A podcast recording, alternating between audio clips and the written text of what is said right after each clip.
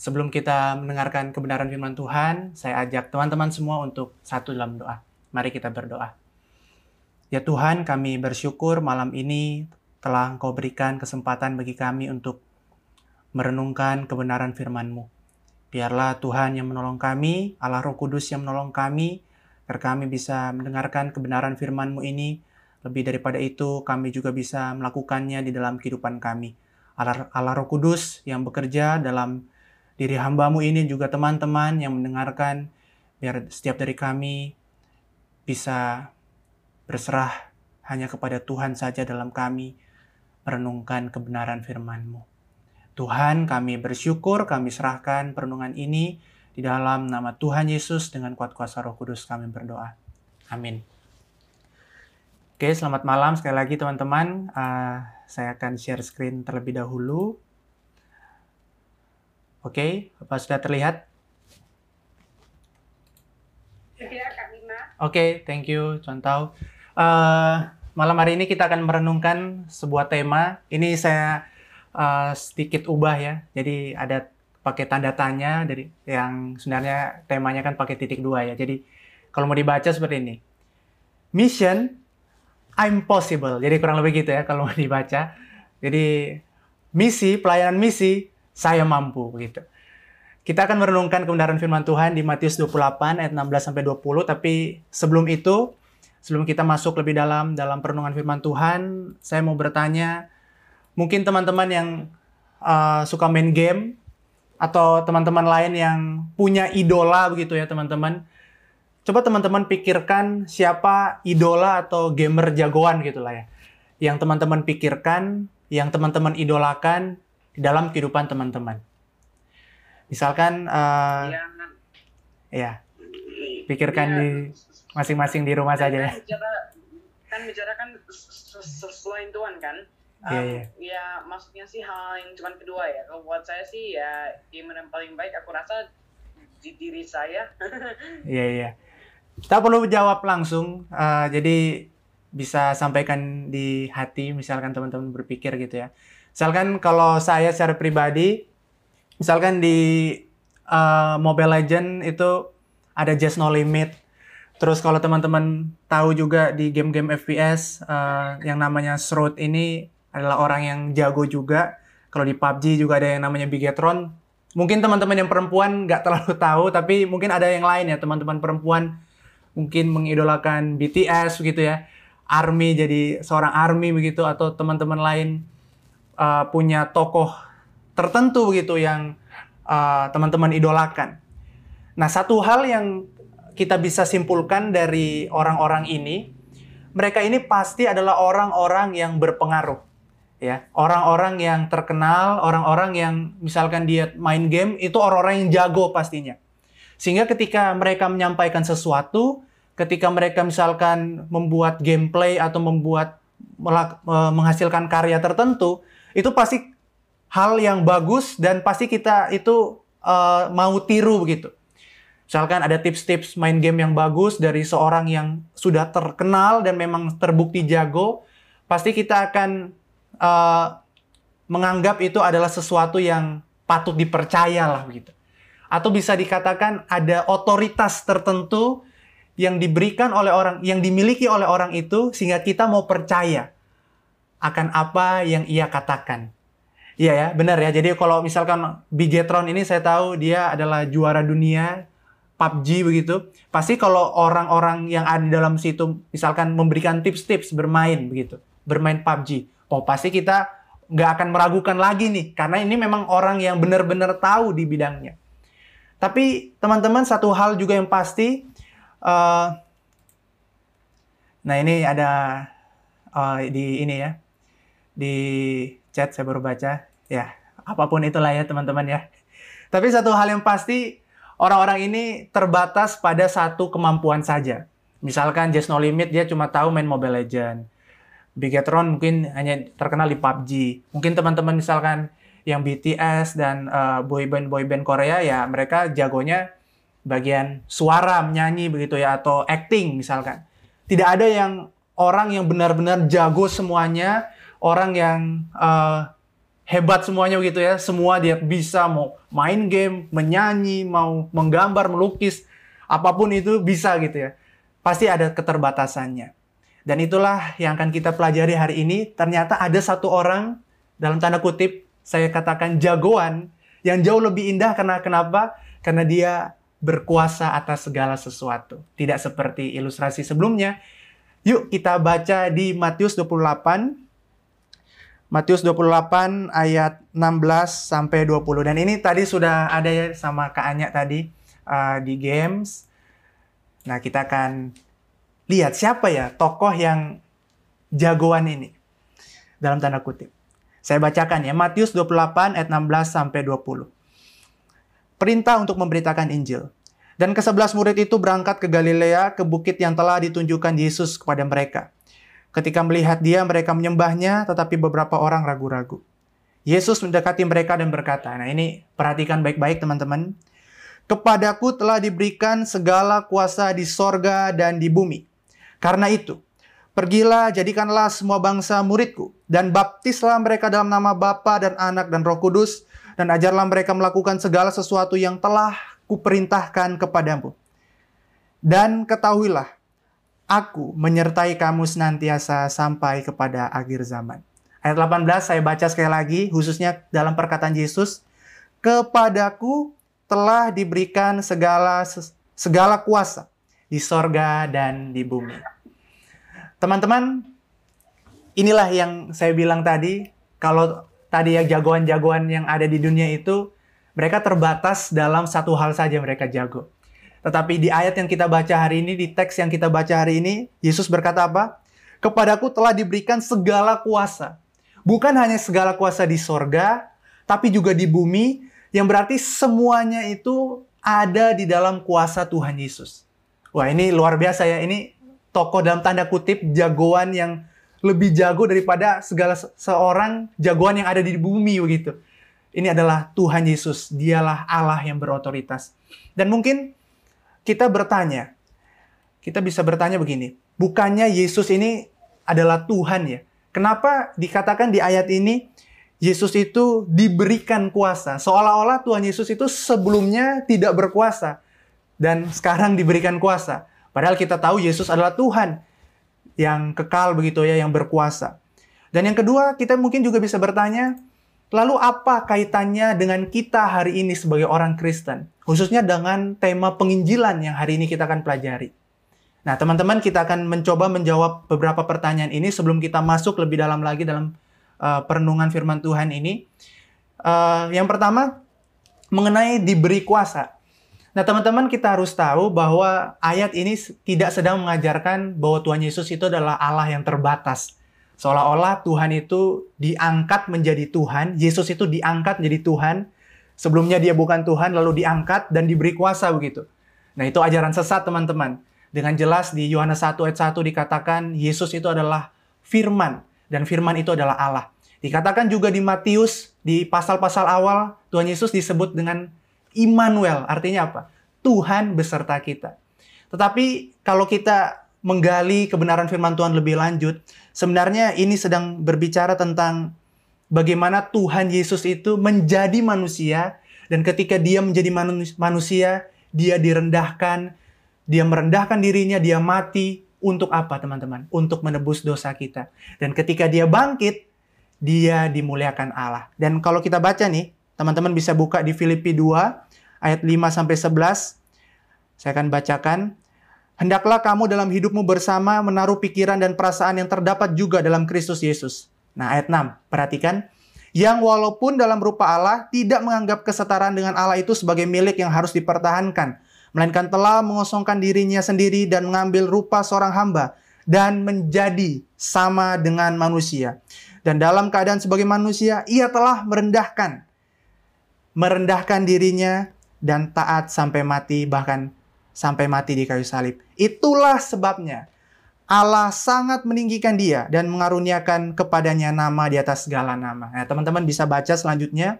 Jadi kurang lebih ini berkaitan dengan inkarnasi Tuhan Yesus atau Yesus yang menjadi manusia untuk penebusan dosa umat manusia. Jadi Yesus bukan berarti tidak berkuasa secara kekal gitu ya.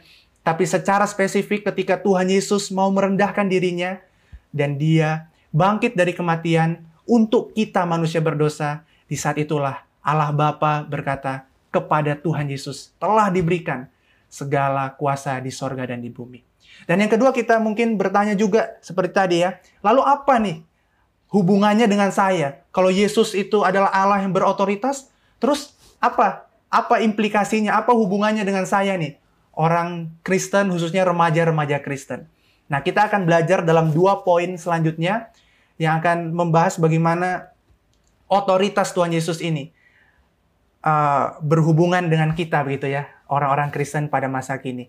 Nah, teman-teman, ketika nanti uh, saya mengatakan otoritas, teman-teman uh, tahu gitu ya kalau saya itu sedang merujuk kepada ayat 8 ini yaitu ketika Yesus berkata kepadaku telah diberikan segala kuasa di sorga dan di bumi jadi itu ya jadi supaya nggak terlalu panjang saya ganti dengan kata otoritas saja oke poin yang pertama otoritas Tuhan Tuhan Yesus memampukan kita untuk pergi memberitakan Injil nah apa hubungannya otoritas Tuhan dan pergi memberitakan Injil garis bawahi kata pergi memberitakan Injil. Apa hubungannya? Nah, teman-teman, kalau kita mendapat perintah untuk memberitakan Injil ini dari seorang yang berotoritas, seperti tadi ya, kalau ada orang yang jago main game terus dia uh, memberikan tips-tips tertentu, berarti tips-tips itu adalah tips-tips yang dalam tanda kutip berotoritas, tips-tips yang baik, tips-tips yang betul, yang penting begitu.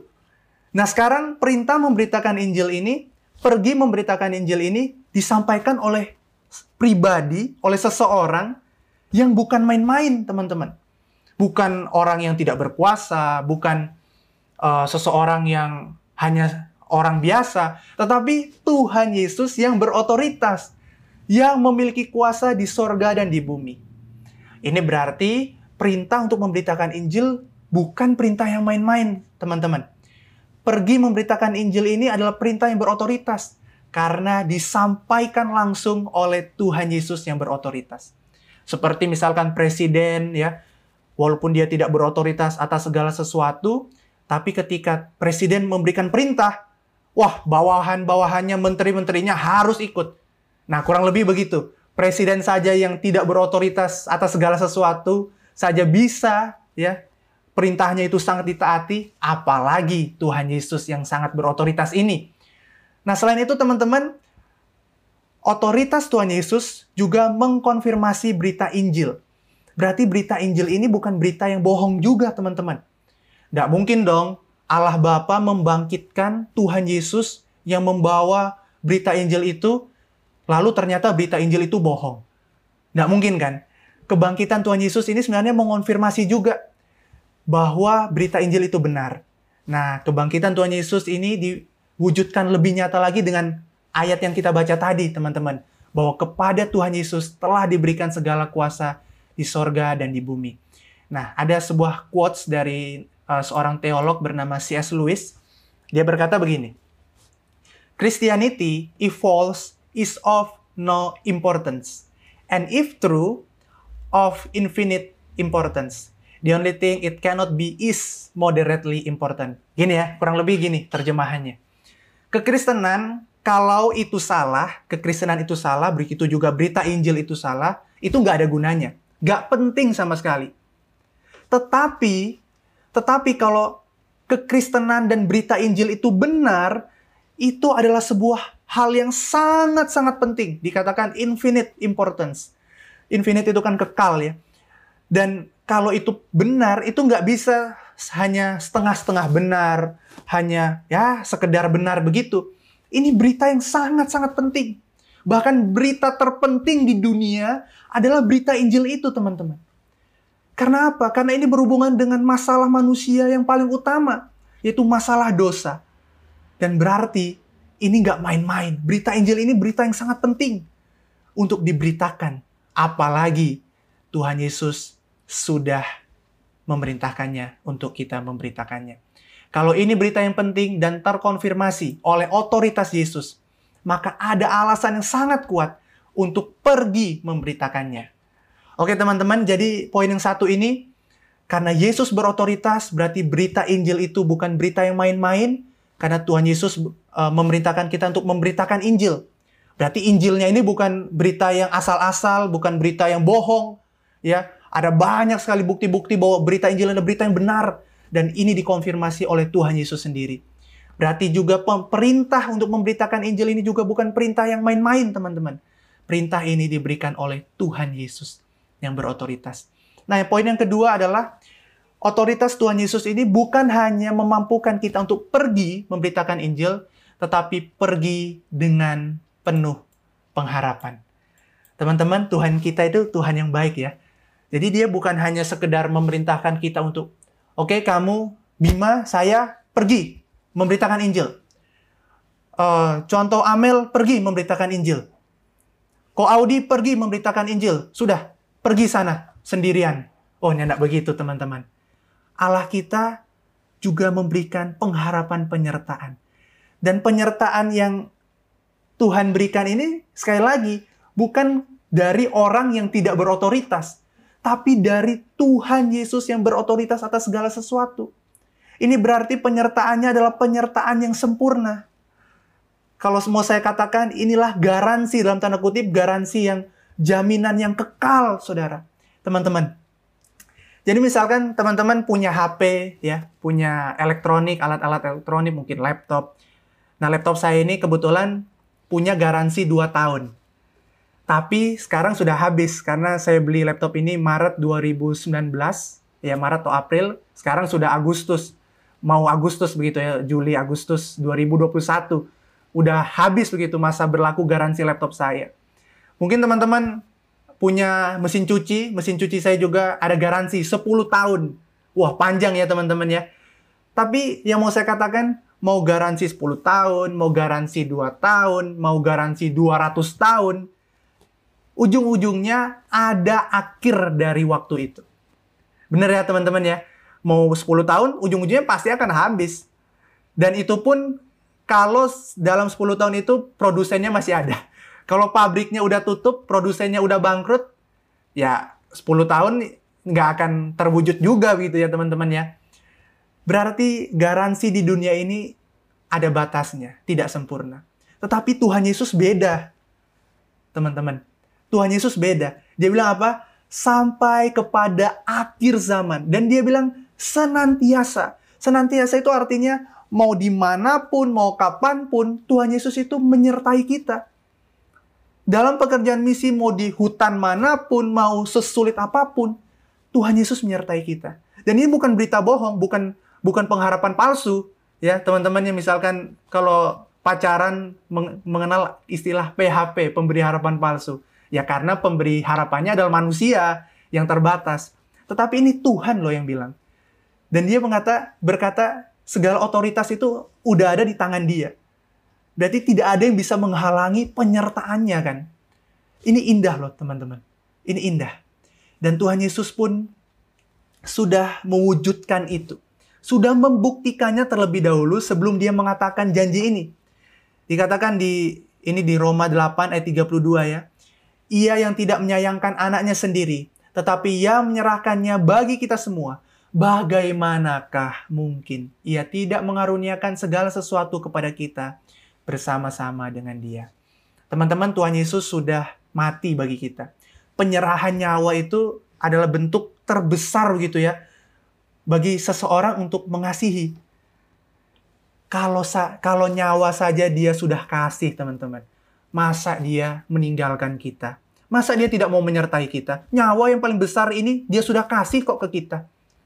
Kita takut apa lagi begitu? Misalkan teman-teman orang tua di rumah, orang tua sudah kasih rumah, udah kasih kamar yang bagus, udah kasih makanan setiap hari, terus tiba-tiba uh, pensil teman-teman uh, patah begitu ya. Terus teman-teman mau pinjam ke mama, ma pinjam pensil dong atau ma minta beli pensil baru. Terus tiba-tiba mama uh, orang tua kalian bilang, oh nggak usah, mama nggak mampu beli. Ya nggak mungkin kan. Ma rumah saja udah bisa dibeli, kan ya makanan udah bisa dibeli masa pensil yang jauh lebih murah nggak mampu? Nah kurang lebih gitu teman-teman. Tuhan Yesus sudah kasih nyawanya. Masa menyertai kita sehari-hari ini dia tidak mampu? Dia tidak mau menyerahkan nyawa saja dia sudah mau. Nah kurang lebih begitu. Dan itulah pengharapan kita teman-teman. Tuhan Yesus bukan hanya sekedar memerintahkan kita untuk pergi otoritasnya juga memberi kita pengharapan Walaupun kita sulit memberitakan Injil, Tuhan menyertai kita. Dan ini ada uh, kisah pengalaman hidup yang asli loh teman-teman. Yaitu seorang uh, misionaris bernama Charles Thomas Stott. Saya sebut City Stott begitu ya. Saya nggak tahu bacanya yang benar Stott atau Stott ya. Kurang lebih gitulah ya. Teman-teman bisa cari di internet. Dia ini adalah seorang misionaris dari Inggris yang melayani di berbagai negara seperti Tiongkok, India, dan juga benua Afrika. Kalau teman-teman bisa baca ya dia ini terlahir dari orang yang kaya, orang tuanya ini orang kaya, dan juga uh, dia adalah seorang pemain kriket, olahraga kriket, kalau teman-teman tahu. Dan dia ini orang yang populer. Tetapi satu waktu dia, uh, ketika dia sudah menerima Kristus sebagai Tuhan dan Juru Selamat ya, dia berpikir begini, kehidupannya itu akan jadi sia-sia kalau dia tidak mengabdikan dirinya kepada Tuhan. Nah, dan akhirnya setelah dia berpikir begitu ya, dan dia dipanggil Tuhan, dia menjadi seorang misionaris yang menginjil. Ada banyak hal yang bisa kita pelajari, tapi satu hal yang ingin saya sampaikan di sini adalah bagaimana penyerahan hidupnya itu kepada Tuhan yang luar biasa. Dia percaya Tuhan menyertai dia dan memelihara dia.